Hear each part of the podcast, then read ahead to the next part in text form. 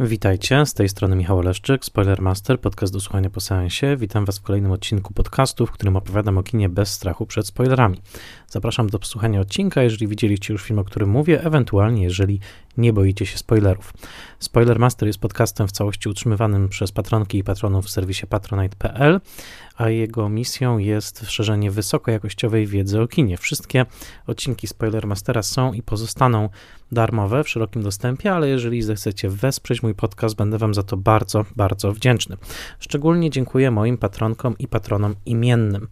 To znaczy Michałowi Hudolińskiemu ze strony Go Tam w deszczu, Dianie Dąbrowskiej z Akademii Włoskiego Kina, Agnieszce Egeman, Odiemu Hendersonowi, Beacie Hołowni, Annie Jóźwiak, Tomaszowi Kopoczyńskiemu, Przemysławowi Bartnikowi, współautorowi podcastu James Bond Team.pl, Bartkowi Przybyszewskiemu z bloga Liczne Rany Kłute i podcastu o latach 90. Podcastex, Mateuszowi Stępniowi, Jerzemu Zawackiemu i Tomaszowi Mączce autorom podcastu Let's Make Movies, prezentującego ciekawe analizy filmowe, a także blogowi Przygody Scenarzysty, prezentującego analizy scenariuszowe i portalowi Outfilm, oferującemu szeroki wybór filmów o tematyce LGBT+. Bardzo dziękuję im wszystkim, a także wszystkim, którzy wspierają podcast na Patronite i wszystkim, którzy go słuchają, szerując. Bardzo Wam dziękuję za to, że Spoilermaster zyskuje coraz to nowych słuchaczy. Dzisiaj kolejny odcinek mówionej historii kina polskiego cyklu, w którym zwracam się do samych polskich filmowców, żeby opowiedzieli historię filmów, przy których pracowali. Dzisiejszy odcinek e, to już drugi w serii poświęconej Markowi Piestrakowi. Już e, za nami odcinek o klątwie Doliny Węży z roku 1987 i dzisiaj cofamy się w przeszłość e, o 5 lat i opowiem wam o filmie Wilczyca z roku 1982, a w zasadzie opowiedzą o nim sami twórcy, ponieważ w dzisiejszym odcinku usłyszymy głosy następujących twórców.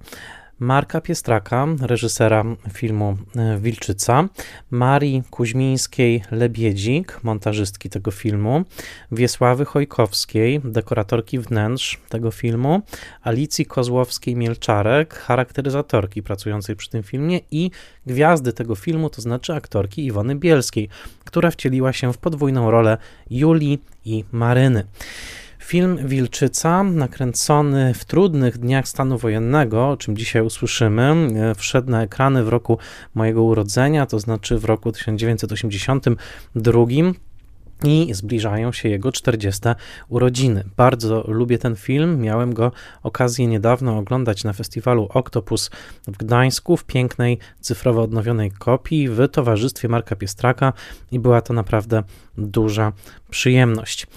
Film Wilczyca jest polskim horrorem, jest próbą nakręcenia polskiego horroru, który nie tylko nawiązuje do słowiańskich mitów, nie tylko nawiązuje do postaci właśnie wilczycy czy kobiety wilka, ale y, także ma źródło w postaci bardzo dobrego opowiadania Jerzego Gierałtowskiego pod tytułem Wadera.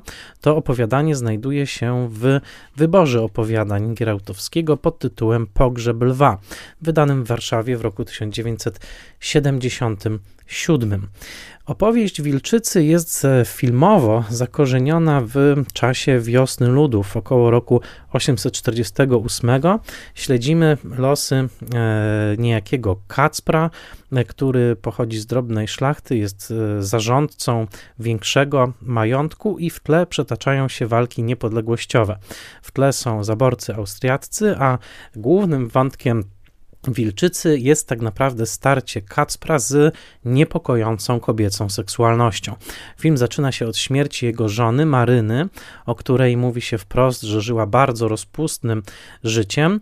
Nie poznajemy wiele jego szczegółów, ale ona umiera w trakcie y, próby aborcji, y, po czym zostaje zakopana i jest taka sugestia, że należy ją przebić osikowym kołkiem, ponieważ zagnieździło się w niej zło. E, Kacper nie godzi się na przebicie swojej żony owym kołkiem i e, tym samym zaprasza do świata o właśnie ową wilczycę. Wilczycę, która jest swoistym wcieleniem ponownym, e, ponownym Maryny. Druga część filmu rozgrywa się już przede wszystkim w posiadłości niejakiego hrabiego Ludwika i później także na bezdrożach nieopodal tej posiadłości.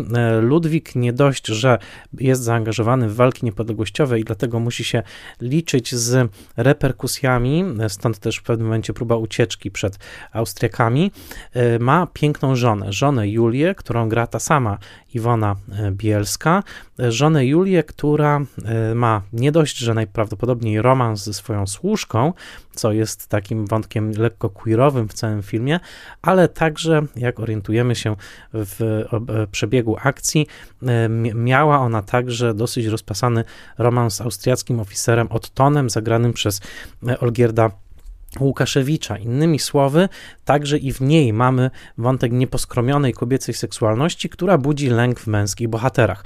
Budzi lęk w postaci Ludwika, jej męża, ale także budzi lęk w postaci Kacpra.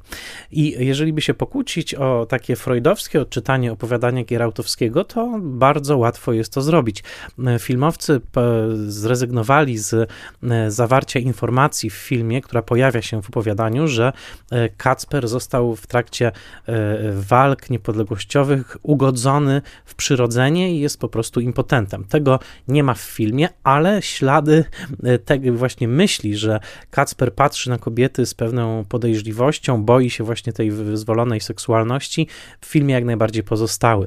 Film Wilczyca ma w takiej gdzieś głębinowej swojej wymowie e, bardzo wyraźny wątek poświęcony właśnie kobiecej seksualności. W pewnym momencie Julia krzyczy do swojego męża e, i mu, mówi o tym, że e, cóż z ciebie za mężczyzna, wy tutaj mężczyźni jesteście tylko zainteresowani właśnie tym spiskowaniem, tą walką niepodległościową, ja tymczasem mam e, swoje cielesne potrzeby. I troszeczkę można by przeczytać całe opowiadanie Jerzego Gierałtowskiego jako taką trochę freudowską lekturę polskiej duszy męskiej i kobiecej, męskiej właśnie zafrasowanej y, y, niepodległością ojczyzny, ale porzucającej tym samym y, przyjemności ciała, przyjemności ciała i zostawiającej niejako kobiety samym sobie, kobiety z ich potrzebami fizycznymi, które w tym przypadku, właśnie w tym języku horroru, języku opowieści grozy, przeradzają się w coś spotworniałego, właśnie w ową, w ową wilczycę. Innymi słowy,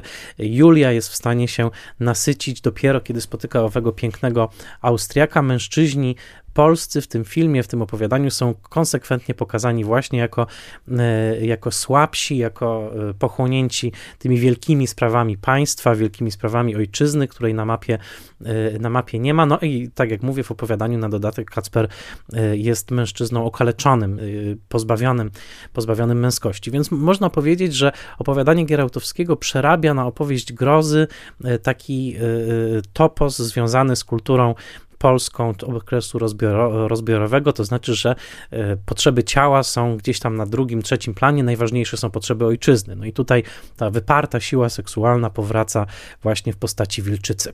E, ten film e, bardzo pięknie nakręcony, zdjęcia e, Janusza e, Pawłowskiego. E, był, powstawał w bardzo trudnych warunkach i finansowych, i politycznych, powstawał w trakcie stanu wojennego i dzisiaj głosami właśnie tych współtwórców, o których powiedziałem, usłyszymy historię powstania tego filmu.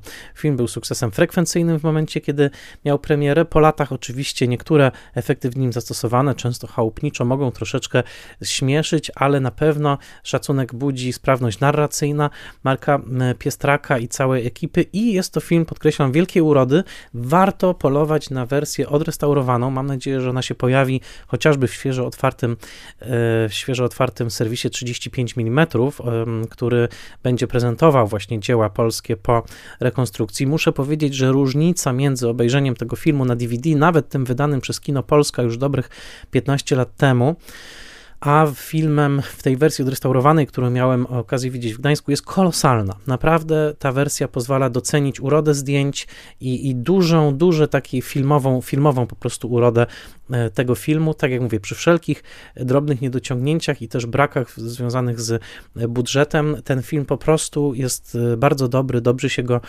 ogląda i tak jak mówię, i zdjęcia Janusza Pawłowskiego i muzyka Jerzego Matuli są dużej urody. No, że nie wspomnę o świetnej stawce aktorskiej na czele z Iwoną Bielską. Ale także z Krzysztofem Jasińskim, z Olgierdem Łukaszewiczem, z Bre ze Stanisławem Brejdygantem, Henrykiem Machalicą, Leonem Niemczykiem. No to są naprawdę znakomite nazwiska. Hanna Stankówna jako owa służka Julii, zakochana w niej. Jest to po prostu bardzo dobry film, który notabene właśnie zostaje doceniony na świecie, ponieważ w takiej antologii Blu-ray wydanej w Stanach Zjednoczonych, poświęconej właśnie horrorom z wątkami ludowymi, która jest teraz niedługo ukaże się i już jest dosyć szeroko reklamowana. Pisałem o niej także na profilu spoilermasterowym. Wilczyca wśród wielu filmów z całego świata jest także zawarta. Właśnie jako ten horror z wątkami ludowymi, folkowymi.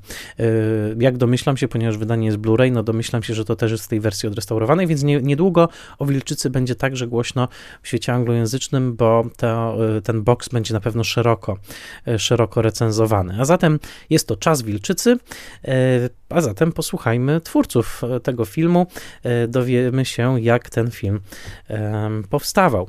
O początkach samych Wilczycy opowie Marek Piestrak. Początki Wilczycy są trudne, to znaczy ja przygotowywałem w zespole, w którym robiłem test pilota Pirksa u pana Ścibora Rylskiego i pana, i, panów, i, i pana Konwickiego w Pryzmacie, przygotowywałem scenariusz następnego filmu.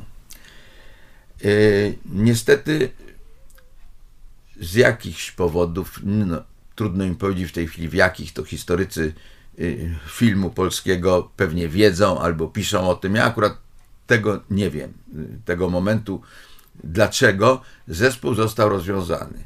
Dość, dość niespodziewanie. Ja nie wiedziałem o tym wcześniej i, i dopiero dostałem list od Aleksandra Ścibora Rylickiego, gdzie pisał mm, y, drogi Marku, muszę cię powiadomić, że nasz zespół został rozwiązany decyzją władz, wobec tego nie możemy się dalej zajmować Y, twoim scenariuszem i, i, i, i musisz jakoś już sam sobie dalej radzić. No, na, na tym to się skończyło. Potem oczywiście tam się wyjaśniały sprawy polityczne i inne, ale to już jakby y, inna sprawa. I wtedy otrzymałem propozycję y, od zespołu Silesia, od Ernesta Bryla.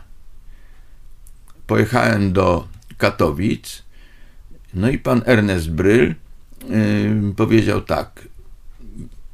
Wydaje mi się, że ten, yy, ten projekt może Ciebie zainteresować. To jest scenariusz wad, pod tytułem Wadera. Jest to horror, horror historyczny według bardzo dobrego opowiadania pana Jerzego Gierałtowskiego. Ale ten scenariusz nam się nie podoba i wydaje się, że reżyser, któremu myśmy chcieli ten film, ten scenariusz przedstawić, no nie mógł dać sobie rady z tym tekstem i zrezygnował, i myśmy zrezygnowali przy opólnej zgodzie. Ja nie wiem nawet, kto to był, jaki, jaki ze znanych reżyserów, ale Ernest Will powiedział, ale uważam, że po tym, po Pirksie i po śledztwie w ogóle radzisz sobie w, w takich tematach i, i, i, i zainteresuj się tym. Ja wziąłem ten tekst, przeczytałem go i, i znalazłem rzeczywiście, że to będzie rodzaj kina, które mnie może zainteresować, tym bardziej, że takiego, takich filmów też w Polsce jeszcze nikt nie robił. No może trochę Lokis był i, i, i, ta seria dla Kanady robiona, ale to według klasyków literatury były krót, krótsze filmy, ten, poza Lokisem oczywiście. Więc y, no, poprosiłem o spotkanie z panem Gierałtowskim, no i zaczęła się współpraca. Nie powiem, że to była łatwa współpraca. To był człowiek uroczy, ale bardzo trudny.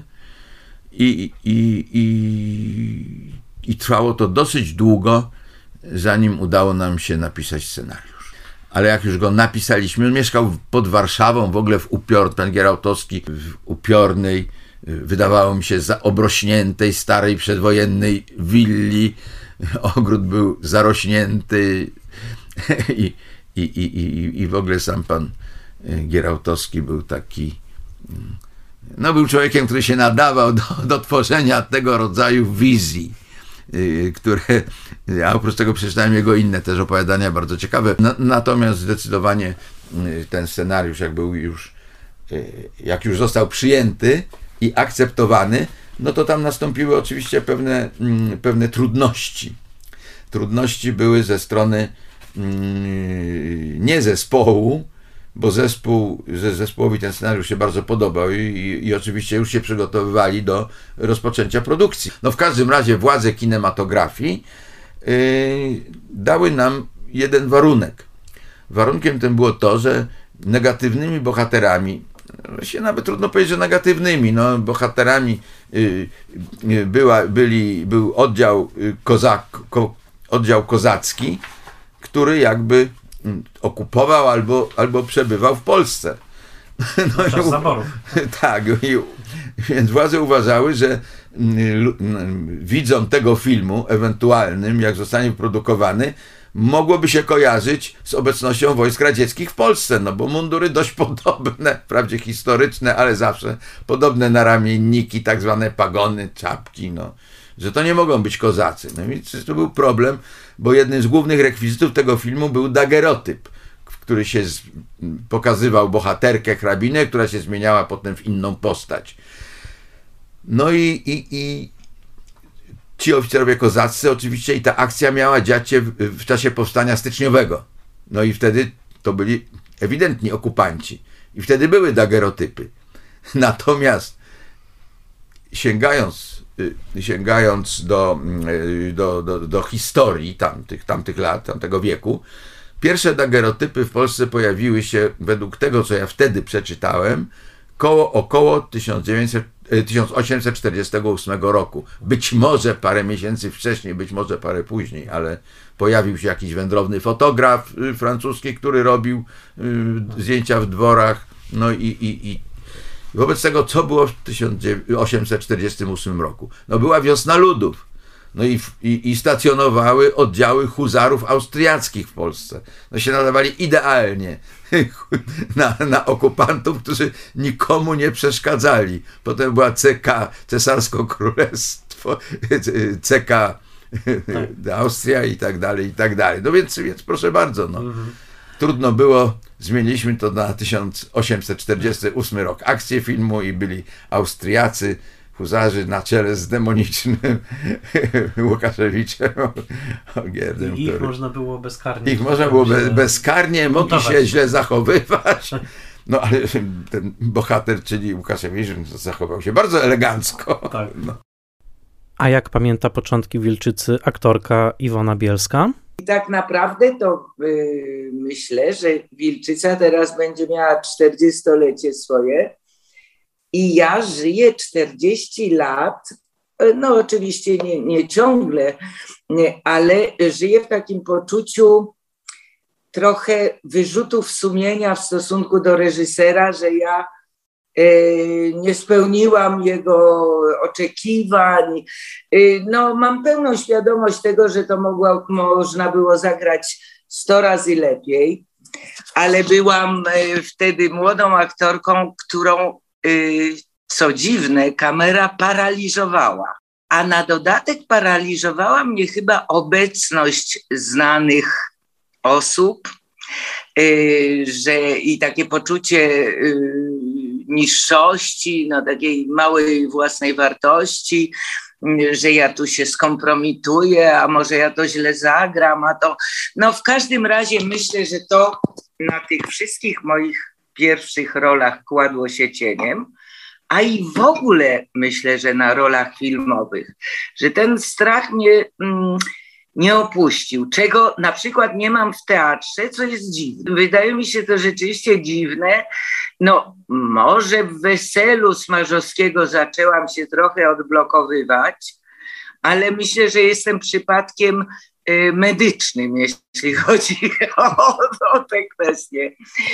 Y, I, I tak naprawdę to, o, y, jeśli pan pyta o początki pracy związane z Wilczycą, to to ja wspominam ten, ten strach, tę odpowiedzialność, że to główna rola i zamiast się cieszyć, to ja się bałam.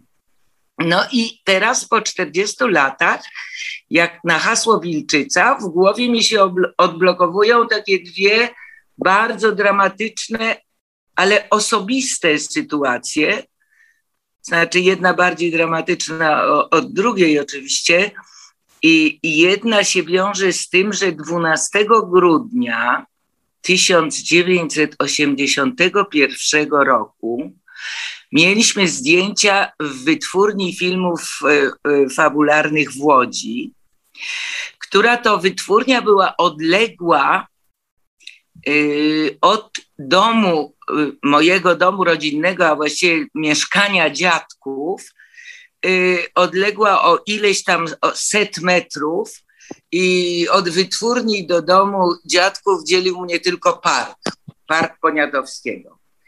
I pamiętam jak dziś, że rano 12 grudnia, kiedy byłam przygotowana do zdjęć w pełnej charakteryzacji do zjawy, czyli miałam na sobie y, czarną, y, wypłowiałą perukę przerzedzoną, y, czarne zęby, trupioblada i tak dalej, i tak dalej. Dostałam telefon, będę płakać, że, bo wtedy nie było komórek, przybiegł ktoś z produkcji, że dzwoniła moja mama, że właśnie w tym mieszkaniu odległym od wytwórni 300 metrów umarła moja babunia, którą kocha, kochałam ponad życie. I ja w tej pełnej charakteryzacji, w histerii, e, poprosiłam, żeby mnie zawieźli tam. I wpadłam, mama mi otworzyła drzwi, a ja byłam jako ta zjawa. To bardzo wspominam. Potem y, oczywiście, y, kiedy został ogłoszony stan wojenny 13, okazało się, że my w ogóle, no tak, musimy chyba wstrzymać zdjęcia. Nie można zorganizować pogrzebu, no bo był zakaz zgromadzeń. Więc ja widzę siebie teraz w jakimś urzędzie. Y, w Łodzi, gdzie się przepycham w tłumie ludzi, prosząc o, o to znaczy próbując załatwić zezwolenie na zgromadzenie, jakim y, miał być pogrzeb. I to strasznie, strasznie na mnie ciąży to wspomnienie właśnie tej, tej zjawy i potem tego załatwiania, które też było, to, to było jakieś e, takie irracjonalne, absurdalne, tragiczne. Mm, jeszcze mm, tu babunia nie żyje. Ja leciałam pod y, gmach Solidarności na Piotrkowską. No to był jakiś szalony czas. Potem zdjęcia zostały wznowione. Ja już jeździłam y, do y, Żerkowa do tego słynnego, ślicznego pałacyku, który odwiedzał również Adam Mickiewicz. Oczywiście tut proporcją gardę, ale, ale y, jeździłam maluchem z Krakowa, y, przejeżdżając te wszystkie mm, stacje zomowców, przy których palili w beczkach ogień, żeby się ogrzewać, sprawdzając samochody, co co tam się w bagażniku wiezie. Więc to był y, y, czas, to był prawdziwy horror. I ten horror Wilczycy trochę chyba zszedł na dalszy plan w moich wspomnieniach. A potem następny horror, oczywiście y, dużo mniejszej wagi, przeżyłam, jak się okazało, że wracając ze zdjęć, dostaję jakiejś dziwnej wysypki. No więc zaczęłam wizyty po lekarzach, oczywiście, a to uczulenie, a to coś, a to śmoś. No i kiedyś przypadkiem w nocy, zapaliwszy światło, zorientowałam się, że ja w łóżku mam mrowie jakiejś po prostu potwornej gadziny, która się okazała pluskwami. Więc to się e, e, z tego dworku, w którym umierałam jako, jako, jako żona e, Krzyśka Jasińskiego, jeszcze przed, przed przemianą w Wilczyce, przywiozłam pluskwy. I potem był też horror, bo trzeba było wszystko dezynfekować. No wie pan, jak to wygląda. Przyjeżdża taka ekipa z takim czymś śmierdzącym i wszystko, obrazy, meble, każdy jeden przedmiot. Oczywiście materace czy łóżka wywalone z balkonu y, na ulicę. No tak to wyglądało. A samo kręcenie, no czy ja wiem, no to była jakaś wielka przygoda, ale y, jak mówię, nadrzędnym uczuciem był chyba paraliżujący mnie strach, czy dam radę.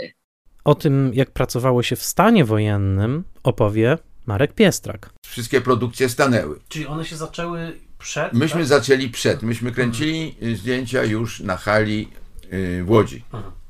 I potem 13 grudnia przerwano. przerwano. No wszystko się urwało. Wszystkie przepisy stanu wojennego nie były tak dopracowane, jak się nam wydaje. Właściwie trzeciego dnia po stanie wojennym ja się zastanawiałem, czy ja mogę pojechać do Łodzi, ale nie było telefonów. Więc zdobyłem się na odwagę. No, śmieję się trochę, bo co to za odwaga była. No. I pojechałem na dworzec kolejowy. Się okazało, że można kupić bilet. Nie wymagali żadnej przepustki i przyjechałem do Łodzi.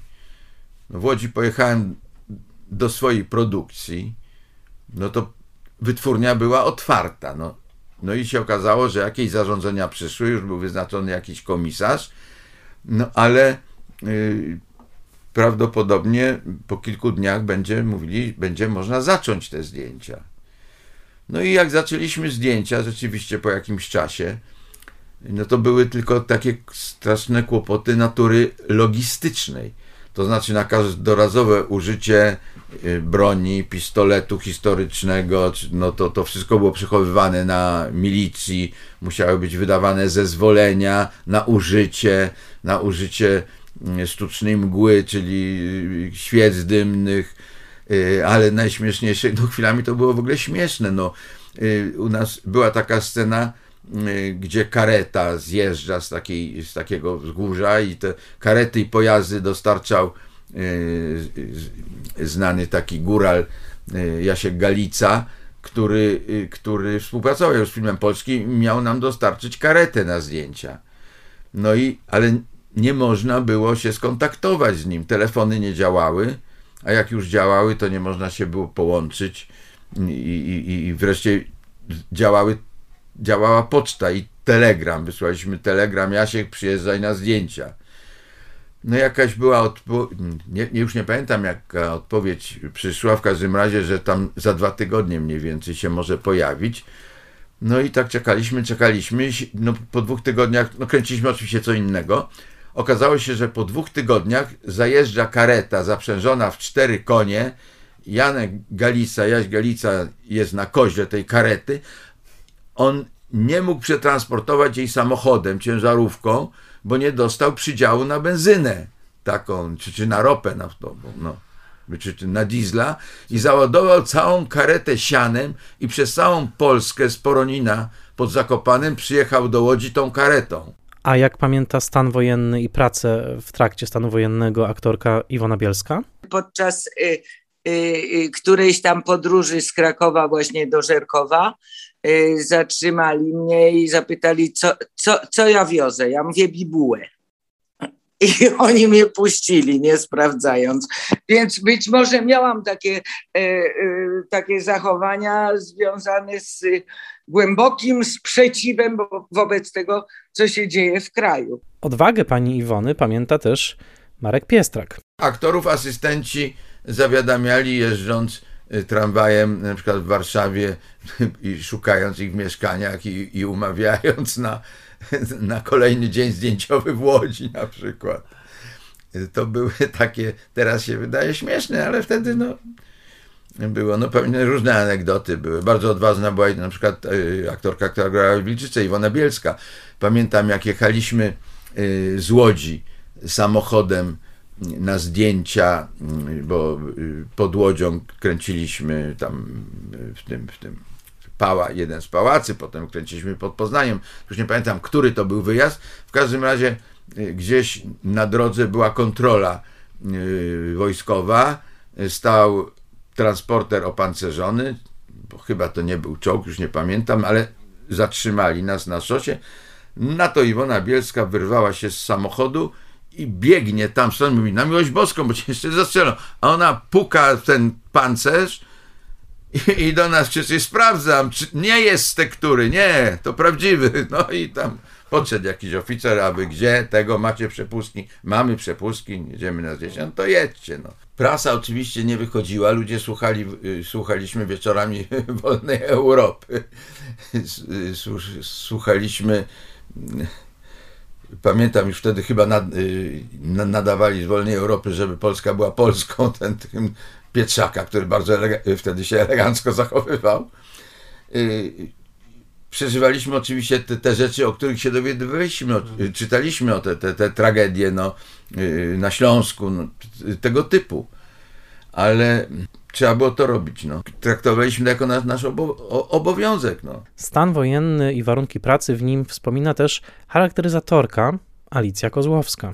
No właśnie, proszę pana, na pewno 40 lat cofnąć do tyłu się nie da, ale są na pewno wspomnienia, że był to bardzo trudny okres dla filmowców, bo to był y, stan wojenny. Nas zastał, kiedy kręciliśmy pod łodzią, w klęku bodajże tam w, w Łagiewnikach, e, jakieś sytuacje wybuchowe, dynamiczne, bardzo dymowe i nie sądziliśmy, że następnego dnia będziemy mieli, że tak powiem, stan wojenny. E, po czym była dosyć długa przerwa, nie wiem czy dwa czy trzy tygodnie, myślę, że tak chyba trzy tygodnie. I wróciliśmy na e, plan zdjęciowy, to był chyba tam gdzieś Poznaniem, w Żerkach, czy, no trudno mi powiedzieć. W każdym razie były, były bardzo olbrzymie śniegi e, i bardzo, bardzo, bardzo trudne warunki, bo było bardzo zimno, to jest raz i w hotelach, który, w których mieszkaliśmy było też bardzo zimno. Ja po prostu e, sypiałam z moją koleżanką, asystentką, e, w jednym pokoju, ja w służbowym kożuchu z kapturem na głowie ponieważ mam duży nos, to myślałam o tym, żeby jeszcze jakieś skarpetki założyć, bo było też zimno. E, podawano nam strasznie, strasznie zimne e, obiady, orężadę do, do popicia zamiast marzyliśmy o gorącej herbacie. Także było bardzo, bardzo trudno, ale współpraca z Markiem Piestrakiem, reżyserem, była fantastyczna, tak samo z aktorami, bo to aktorzy znani, Iwona Bielska, y, Łukaszewicz, Niemczyk, więc to już nazwiska mówią jakby za, same za siebie, że są wspaniałymi i rozumiejącymi. Natomiast jeżeli chodzi o, o charakteryzację to proszę pana, teraz dużo łatwiej się robi, dlatego że są tak zwane maski, które można w jakiś sposób e, przepić, później dorobić, wykończyć i tak dalej. Wówczas nie było takich sytuacji, ponieważ byliśmy bardzo skromni.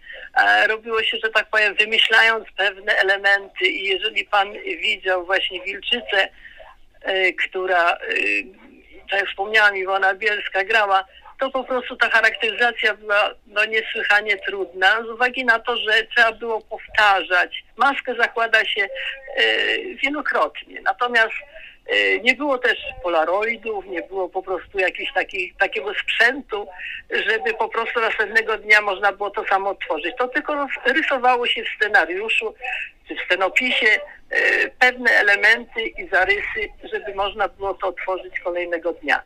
Pracę w stanie wojennym wspomina także montażystka filmu, pani Maria Kuźmińska-Lebiedzik. Bywało tak, że, że nasza praca przedłużała się e, ponad godzinę 22. Dowcip polegał na tym, że należało nas rozwieźć do domu.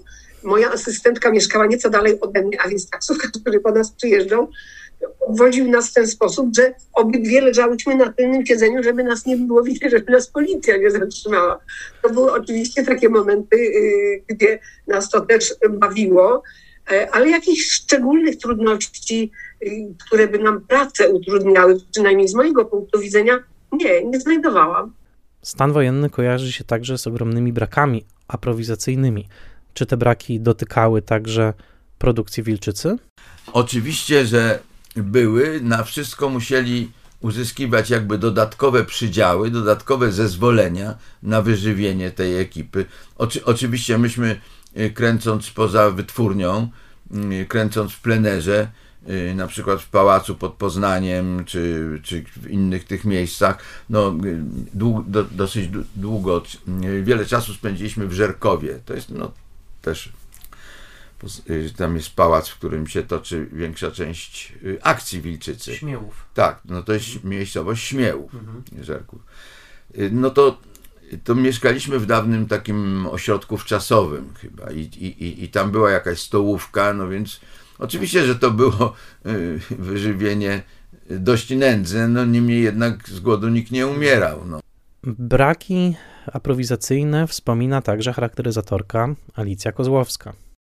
Proszę pana, powiem panu tak, że y, mieliśmy po prostu szminki, mieliśmy pudry e, i ja po prostu to zrobiłam, o ile ja pamiętam, bo później powtórzyłam też w Grzeszniku y, Piotrka Bajora podobną sytuacją, bo to było tak nie e, niedługo po tej Wilczycy, myślę, że z 5 czy 6 lat robiony ten film, więc podobną, podobną techniką robiłam.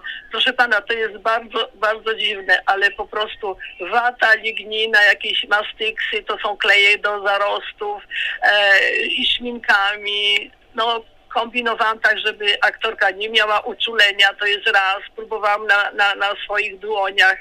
E, mój mąż też po prostu w jakiś sposób takim mm, e, statystą do, do tych usług specjalnych, żeby najpierw zrobić coś i, i później po prostu pomysł. Tak jak Has świętej pamięci mówił, że i Barański, który żyje, że mówi, pani ma oko graficzne i plastyczne, w związku z czym po prostu postanowiłam to wykorzystać, że tak powiem, bo lubię malować, e, rysować więc y, y, to mi wszystko podpowiadało i sposobami takimi różnymi, bo jak powiedziałam, 40 lat temu nic nie było w wytwórni. Były y, laichnerowskie, szminki niemieckie i jak już była, prawda, jakaś francuska szminka, czy po prostu podkład, to już było wielkie, wielkie wygodnictwo i wielka radość dla nas, bo się zupełnie inaczej pracowało. Mhm. Natomiast teraz jest zupełnie inna technika, mamy możliwości, jest y, fantastycznie, jest fantastycznie. I tak mi nieraz przykro jest, że po prostu starych nie szanują w jakiś sposób, bo my na przykład nie mamy tantiem. Koleżeństwo z całej Europie mają tantiemy za charakteryzację, a my niestety nie mamy. Posłuchajmy jeszcze, jak Alicja Kozłowska mówi o samym koncepcie charakteryzacji wilczycy. Nikt, nikt mi nie podpowiadał. Absolutnie to była moja, e, moja wizja, moja koncepcja i później po prostu, bo zrobiłam próbę i Marek Piestak, pan Marek, reżyser, e, zaakceptował i był po prostu e, mile zaskoczony i to kontynuował, bo skoro zaproponował mi drugą serię, to nie dlatego, że e, byłam miła, czy to, tylko po prostu pracowałam i te projekty, które zapodałam, to były akceptowane. Także mm -hmm. współpraca, ale, ale to nic darmo. Trzeba po prostu się wykazać. I, tak, i podobnie było u Hasa czy u Barańskiego. Mhm. Także to, to, to po prostu, ale to są takie perełki, że e, ludzie, którzy, e, reżyserzy, którzy e, znają się na tym, oczekują po prostu czegoś więcej, nie, nie, tylko po prostu jakieś tam rysunki. Tę samą charakteryzację, nad którą pracowała pani Kozłowska, wspomina aktorka Iwona Bielska. Wie pan co, ja byłam już chyba po e, doświadczeniach z Żuławskim. Więc mnie ta charakteryzacja wydawała się po prostu y, ulgą w salonie kosmetycznym. Po tym, co myśmy przeżyli na Srebrnym Globie, kiedy nas smarowano takim mleczkiem kosmetycznym, żeby zmarszczki robić, e, przyklejali nam na butapren takie urządzenia do oddychania, potem e, malunki na twarzy, te takie niby księżycowe, to to trwało naprawdę 4-5 godzin. Więc charakteryzacja do wilczycy już mi nie była straszna po tym wszystkim. Mhm. E, oczywiście szybciej mnie panie robiły na ładną, żeby loczki i tak dalej. A ta, ta, ta zjawa to chyba najgorzej było z zębami e, bo się zjadało tę czarną, e, tę czarną farbę, która miała udawać szczerby. No wtedy to wszystko było robione, jak pan wie, pomysłem. To jeszcze nie było, nie było, że tak powiem, procedur, tylko wiele zależało od kreatywności charakteryzatorów, pomysłów i, i tak dalej, i tak dalej. Ale to nie, to nie było, to nie było takie straszne. Peruka i jakieś tam, y, no coś tam z twarzą rzeczywiście, blado, sino i tak dalej. Ale jak mówię, po, po doświadczeniach na Srebrnym Globie, to to już była przyjemność. Jaka jednak była koncepcja reżysera? Jak Marek Piestrak myślał o Wilczycy, jakie zasady postanowił przyjąć w pracy nad tym filmem. Opowie on sam. No ja do, tych, do tego wszystkiego y, podesz, y, pod, podszedłem w ten sposób, że, że to nie może być, y, to nie może być jakby w nawiasach z przymrużeniem oka ten film. Że to trzeba po, poważnie potraktować widza, że widz się ma przestraszyć, ma widz uwierzyć w to wszystko. No ty, oczywiście o tyle o ile, no ale, a, ale przyjąć do Y, przyjąć tą konwencję i się bawić już tą konwencją, że jesteśmy zanurzeni w takim świecie. I, i, i, stąd, i stąd też aktorzy to potraktowali pożen, y, jakby y, poważnie. Troszeczkę, z wyjątkiem troszeczkę tak narysowanej jakby z przymrużeniem oka troszkę tego okupanta, tego, tego Łukaszewicza. Trochę fircykowaty taki oficerek, który gra tam, śpiewa sobie i na tym. Natomiast reszta była, y, ta, y, reszta była na poważnie. Staraliśmy też oczywiście mm, y, zrobić możliwie prawdo, możliwie prawdopodobne te mm, sceny Y, pojawiania się tego, y, tej, tej Julii, y, to, to był po wielką pomocą był operator zdjęć specjalnych, pan z łódzkiej wytwórni. To wszystko oczywiście nie było mowy o żadnych technikach komputerowych, tylko pan Jan Olejniczak. Pan Jan Olejniczak, tak. On stosował metody jeszcze z lat dwudziestych, lustra Szuftana, także tam to się jakoś zakładało się przez, przed obiektyw takie urządzenie, które pozwoliło y, potem wkopiować ukazującą się postać, na przykład wychodzącą z, z mgieł na skrzyżowaniu, no, wilczyce, potem no, y, trudno było niektóre rzeczy, niektóre rzeczy były trudności, to były, wymagały inwencji operatora, no, jak y, jeden z bohaterów idzie z, tą, z taką świecą po, y, w ciemnościach, no, po, po schodach, gdzie tam siedzi potem wilczyca, więc jak było, jak było oświetlić go. No i to, to zbudował operator maluteńką jakąś lampkę w świecę, którą tak ukrywał i, i, która rzucała światło mu na twarze. Światło że była widoczna twarz, a naokoło było ciemno. Prawda? Mhm. Zwracaliśmy uwagę na szczegóły techniczne, na odlewanie kuli święconej, no, mhm. naładowanie tego pistoletu. Wilczyca to także bogata warstwa rekwizytów. O tej stronie filmu opowiada dekoratorka wnętrz pani Wiesława Chojkowska, która debiutowała jeszcze w latach 50., między innymi pracując na planie pożegnań Wojciecha Hasa. No ja, ja robiłam wnętrza do tego, do tego filmu. Ten film miał szczęście czy nieszczęście, że zdjęcia się rozpoczynały, miały się rozpocząć 14 stycz, e, e, e, grudnia, tak, a, rozpoc a rozpoczęły się dużo później. Dekoracja była gotowa w sobotę, odebrana, wszystko, ten, no, a w niedzielę wiadomo, co było. Pan ogłosił stan wojenny. No i tak to, to trwało, nie wiem jak długo, nie pamiętam, to jednak 40 lat temu. Także jak to długo trwało, w każdym razie ktoś załatwił to, że mogliśmy y, robić te zdjęcia. To było taki dworek pod Łodzią, y, bardzo sympatyczny, tak. I robiliśmy tam zdjęcia, a potem robiliśmy w, w pałacu takim Śmiałowie, który, pałac, który jest związany z Mickiewiczem, bo on tam przebywał. To był tylko pałac, mhm. zresztą z przepięknym parkiem. Cała przyjemność robienia tego, co robiłam, bo niewątpliwie to była praca dość, no taka, wie pan, poza domem i tak dalej.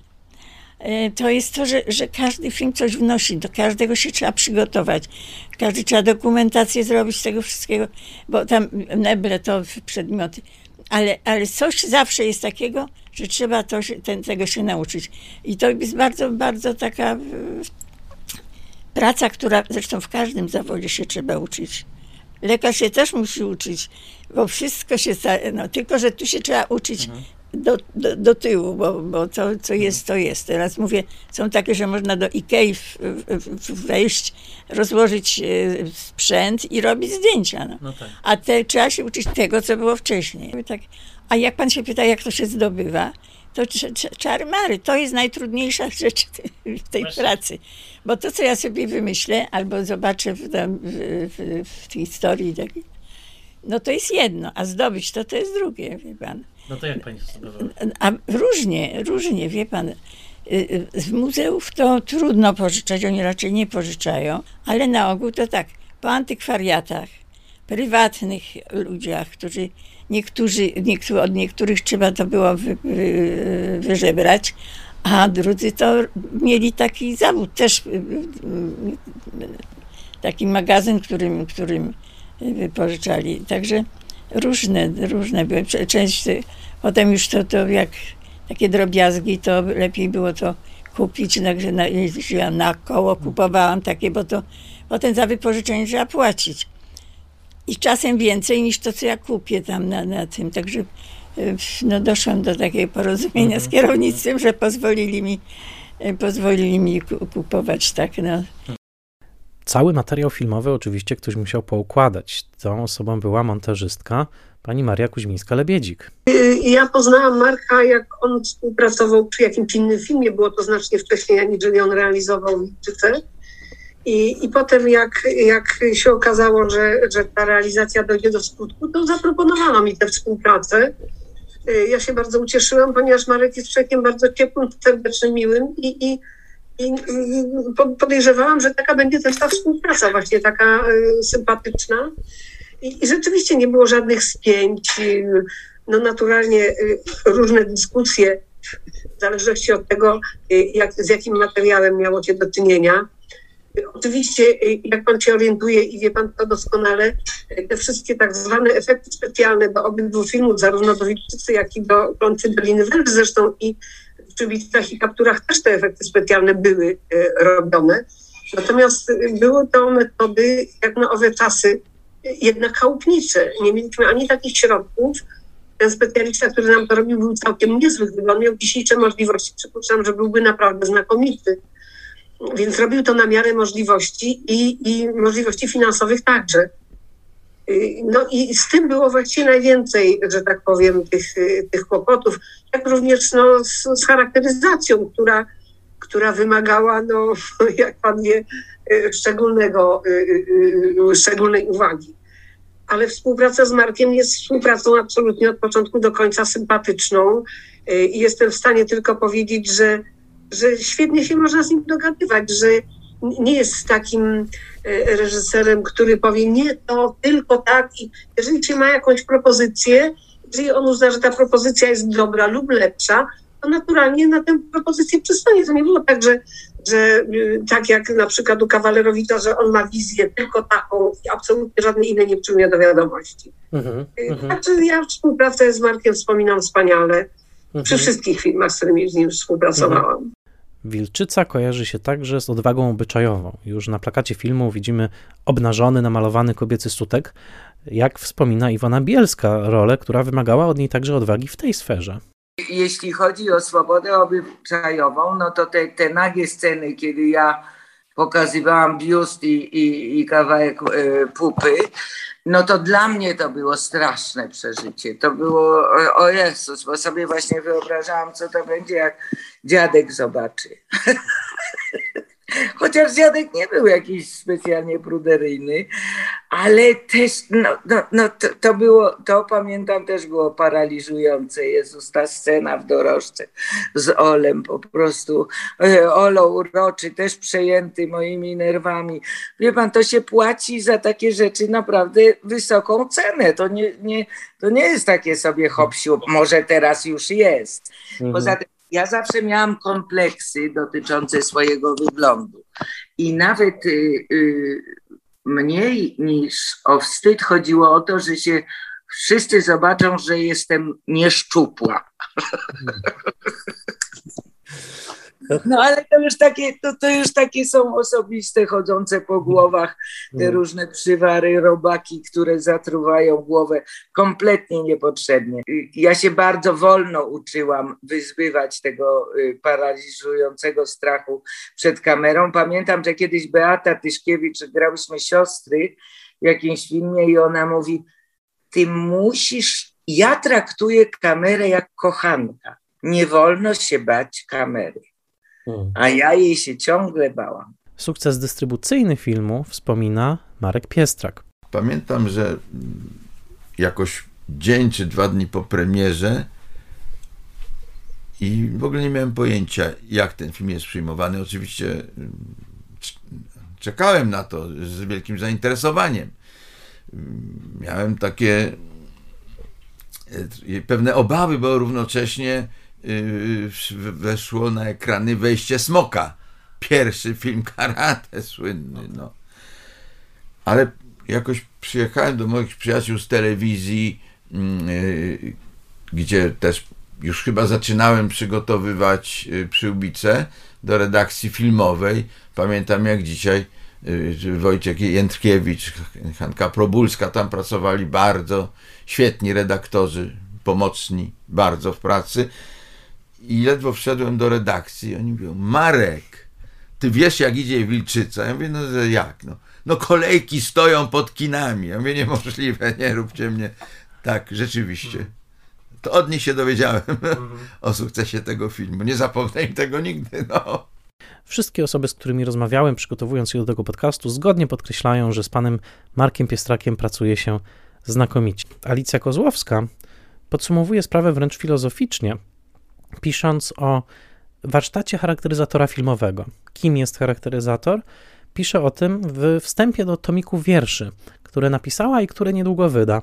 Wierszy poświęconych ludziom z polskiej branży filmowej, ludziom, z którymi pracowała. Bardzo czekam na ten tomik. Posłuchajmy tego wstępu, dlatego że świetnie podsumowuje on to, kim charakteryzator jest, kim jest także filmowiec. Tuż po tym wstępie usłyszymy panią Alicję, jak podsumowuje pracę z Andrzejem Kotkowskim, z którym pracowała przy serialu Miasto z Morza. Podsumowuje to wierszem. Jestem ze środowiska filmowego. Charakteryzator to nie tylko zawód, ale coś z psychologa. Powierzchowność nie liczy się, lecz jego wnętrze. Oceniam usposobienie, osobowość, odczucie bólu, radości, skłonności i wrażliwości. Jakże często bywa, że ci wielcy są mali, a mali wielcy. To moje spostrzeżenia od tak z zakulis zawodów artystycznych. Bardzo często w życiu liczy się przypadek i szczęście, które toruje niejedna kariera wpisana.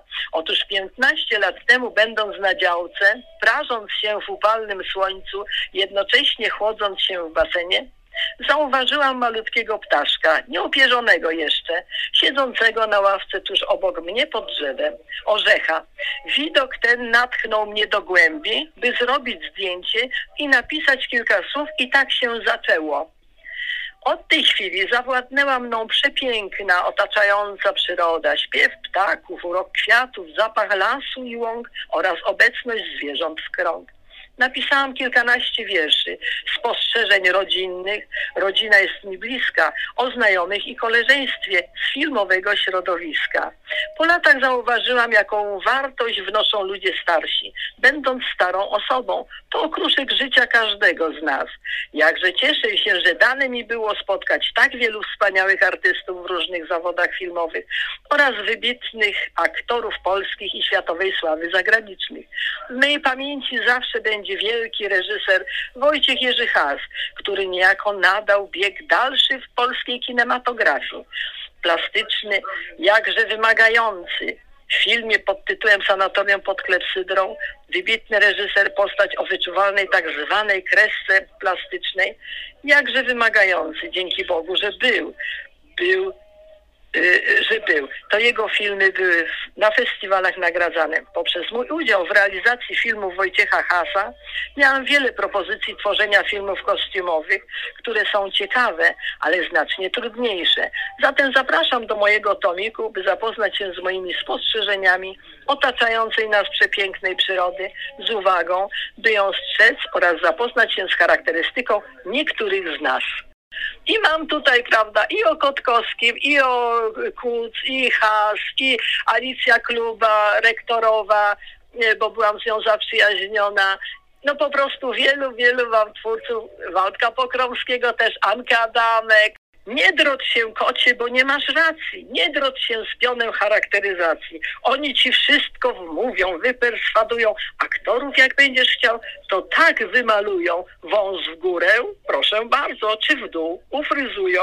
A może broda urody doda, z małpy w pięknisia zrobić trzeba? A niech to cholera, jak trzeba, to trzeba. Nic to, bo mamy zgodę, zgodę kotka lidera. Miał, miał, coś tylko cię miał, akcept adaptację na naszą charakteryzację. Wilczyca doczekała się także sequelu i to w reżyserii samego Marka Piestraka. Film Powrót Wilczycy wszedł na ekrany w roku 1990. Jakie były początki tego projektu? No to się zaczęło e, właściwie e, w zespole Oko u pana Chmielewskiego i producenta Wodarczyka. Się zastanawiali, mm, co ja powinienem zrobić. No to może duże słowo, co powinienem, ale co bym chciał zrobić, ale to było równocześnie połączone z propozycją z ich strony. A może by zrobić coś, no bo wszyscy poszukiwali sukcesu, poszukiwali pieniędzy, kinematografia się zmieniała, wszystko się zmieniało. Więc yy, powiedzieli, no zrobiłeś kiedyś Wilczycę, która była wielkim sukcesem, ponad 2 miliony widzów w Polsce, ponad dokładnie, to nie wiem nawet ile, ale wiem, że ponad, i, i, i sprzedaż do wielu krajów, i, i festiwale i tak dalej, to może byś coś zrobił, jakby dalszy ciąg może, albo może y, ktoś by ci to, to napisał, ponieważ y, firma, firma, zespół OKO współpracował już trochę y, z panem, z pisarzem panem Jerzym Siewierskim, Y, którym omawialiśmy różne y, tematy, które mogłyby zainteresować mm, y, reżyserów różnych, czy też mnie także, no to może pomyśleli, że może pan Siewierski by coś napisał, czy przygotował.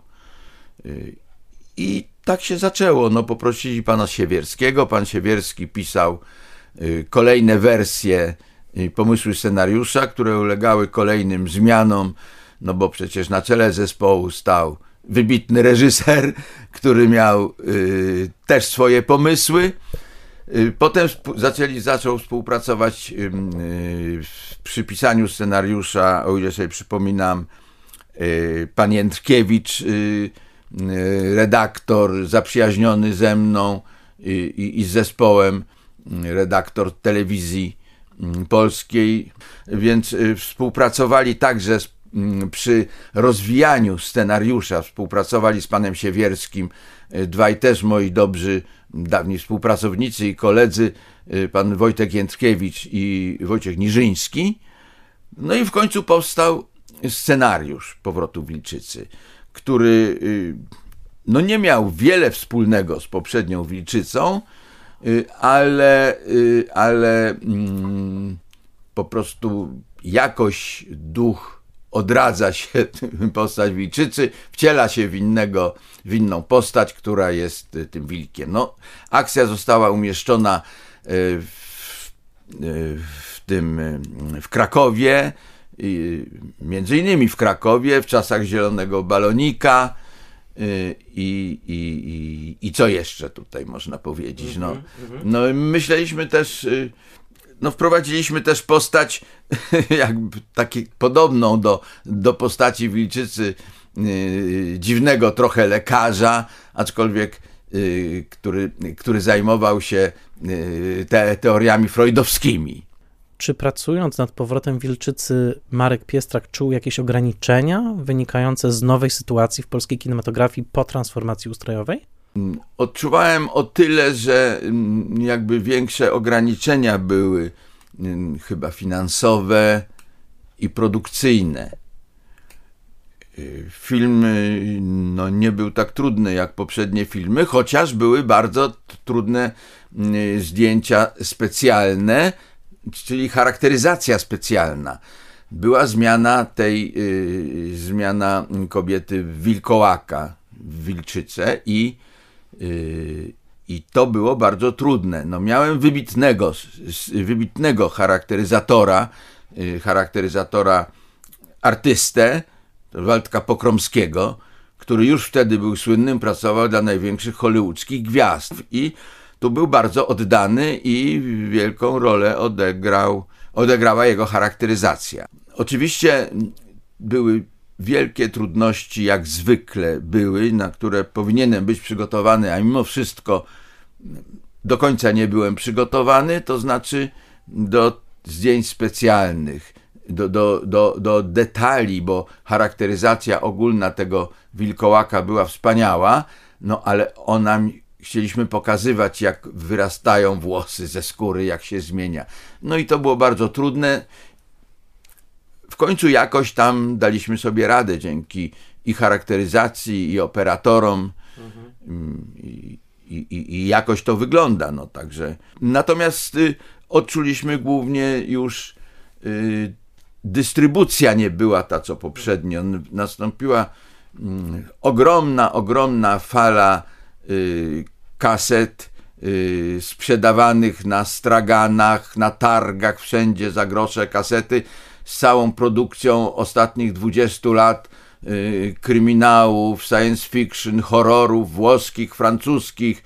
Y, były wspaniałe filmy klasy A, których nie widzieliśmy, ale były też B, C i D.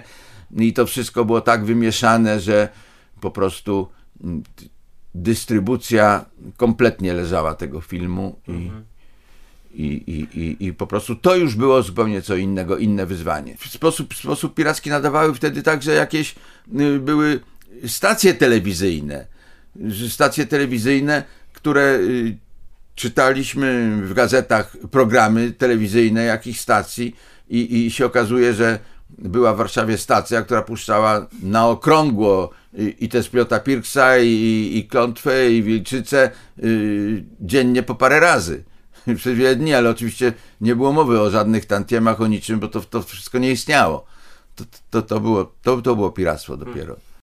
Warto wspomnieć, że Marek Piestrak wciąż ma w swoich zbiorach scenariusz, który napisał do innego opowiadania e, Gierałtowskiego pod tytułem Pomarlica. Wciąż marzy o realizacji tego filmu. Może jakiś producent z wyobraźnią, który słucha tego podcastu, postanowi dać tą szansę panu Markowi. Byłoby wspaniale zobaczyć jego nowy film. Najlepiej pracę przy filmie jako takim i zapytana też o to, jakim trzeba być człowiekiem, żeby być montażystą, ale także, żeby być po prostu człowiekiem filmu, podsumowuje Maria Lebiedzik i chciałbym chyba tą myślą zakończyć ten odcinek.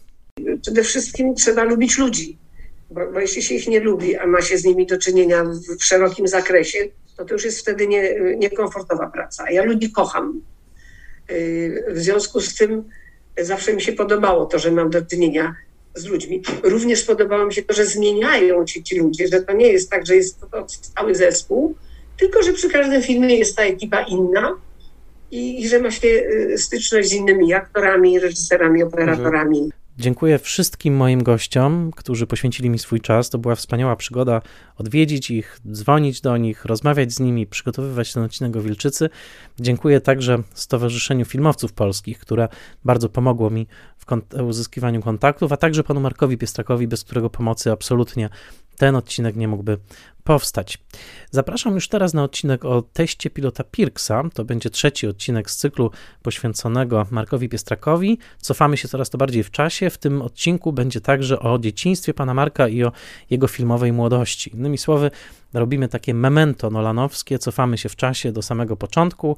No i docelowo mam nadzieję, że te odcinki będą słuchane w różnej kolejności, ale będzie można ich słuchać także od tyłu, zaczynając jednocześnie od początku, to znaczy od testu pilota Pirksa, rok 78, poprzez Wilczycę, właśnie rok 82, aż po klątwę Doliny Węży, rok 1987. Dziękuję Wam serdecznie za słuchanie. Bardzo e, zapraszam już teraz na kolejne odcinki Spoilermastera. Mm, zachęcam do wsparcia podcastu na patronite.pl i mówię to, co zawsze na koniec odcinka. Kolejny odcinek Spoilermastera już za tydzień.